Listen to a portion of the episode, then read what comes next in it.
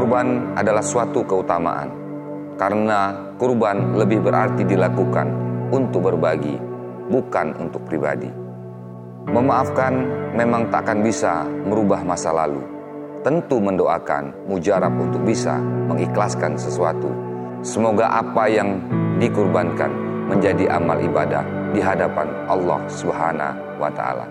Dan semoga di Idul Adha kali ini kita mendapatkan berkah dan pahala yang berlimpah. Saya Haji Raden Adipati Surya, Bupati Kabupaten Wekanan mengucapkan Selamat Hari Raya Idul Adha 1441 Hijriah. Minal Aidin wal Faizin, mohon maaf lahir dan batin. Jadikan kurban sebagai wujud ibadah sosial. Assalamualaikum warahmatullahi wabarakatuh.